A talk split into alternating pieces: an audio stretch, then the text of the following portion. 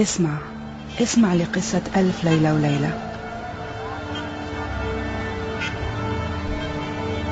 يكتشف السلطان شهريار بخيانة زوجته Een van die boodskappe wat die film baie sterk oorbring is die idee dat mense se lewens of ek dink mense se daaglikse bestaan, mense se hoop vir die toekoms word op baie maniere deur kreatiwiteit bevorder of herskep selfs. En ek dink as mens kyk na die inspirasie vir die film wat basies storieverteller in die sogenaamde Arabiese of 1001 nagte is, Shahrazad wat stories vertel om haar lewe te red en die lewe van ander vrouens te red. Is 'n baie goeie toonbeeld van iemand wat onder baie moeilike omstandighede kreatiwiteit gebruik om die wêreld 'n beter plek te maak.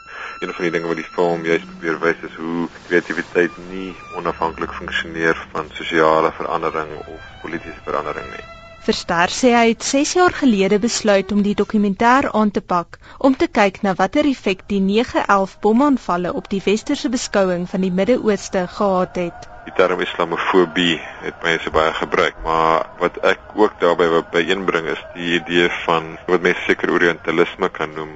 Mense soos myself, ek het groot geword. My eerste insig in die sogenaamde Midde-Ooste was eintlik deur die 1001 nagte. Dit was stories van Ali Baba, die stories van Aladdin en van Sinbad die seile, en die tipe stories. So die idee was oorspronklik om te kyk na die tipe politieke verhoudings wat mense gehad het met Islam of met die streek dan dit byeen te bring met iets wat meer van kulturele erfenis is nou self verstaan. En is daar ook dik baie belang gestel aan die idee van hoe mense 'n stuk musiek kan gebruik om na groter sosiale kwessies te kyk. So een van die belangrike dele in die film is Rimsky-Korsakov, die Russiese komponis Sherazad simfoniese suite wat self gebaseer is op vier stories vanuit die 1001 nagte.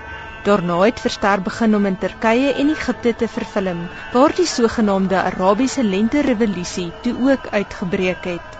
Die goeie wat ons spesifiek in Egipte vervilm het, was jy hoe mense stories vertel om politieke verset te bevorder. So byvoorbeeld een van die storievertellers het jy stories uit die 1001 nagte gebruik en hulle hernie met hedendaagse politieke of sosiale inhoud.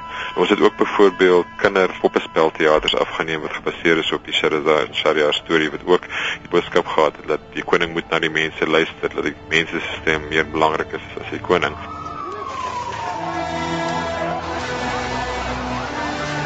En dit was 2010 dat ons dit vervang het. En vier maande later, skielik was alles los en almal gaan straat toe en ek dink die gees van die dinge wat ons vervang het, het toe 'n manier die reële werklikheid gevind in Tagrierplein. En hoe ons dit nou sien is ook die idee dat stories lei miskien na politieke verandering toe, maar politieke verandering ry ook terug na stories Die karakters in Verster se dokumentêr beoefen verskillende tipes kunsforme. Ons het 'n hele paar storievertellers en daar's een aktrise wat eintlik ook 'n storieverteller is, maar dan is ook 'n uh, visuele kunstenaar, 'n man met die naam Hani Al-Masri wat basies sy lewe toegewy het aan die 1001 nagte en hy skets omtrent net tonele uit die nagte uit. En hy het ook nou 'n uh, massiewe tapestrie gemaak, know, met 'n Gaia Maya tapestrie. Dit is blykbaar die grootste wat nog ooit gemaak is. Dit is 8 meter by 5 meter groot en ons het baie afgeneem met Cem Mansour wat 'n Turkse dirigent is. Music is one of the ways through which you, you express who you are. Die Sherazad Sinfoniese Suite dan met die Turkse jeug nasionale jeugorkes oefen en dan uitvoer in die Topkapi Paleis. Maar met 'n rolprent wat so duur is om te maak, moes Verster nie net kreatiewe maniere kry om die storie te vertel nie. Hy moes ook innoverende modelle kry om dit te finansier.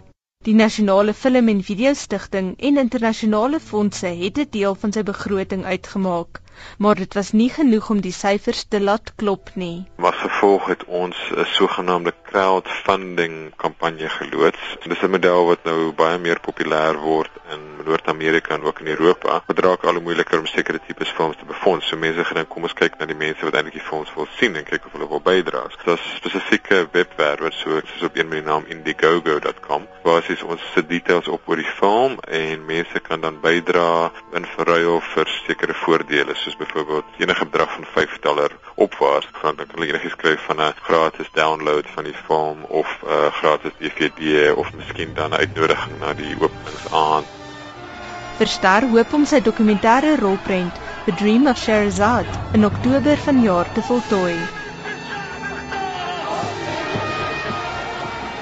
Anne Marie Jansen van Vuren in Johannesburg.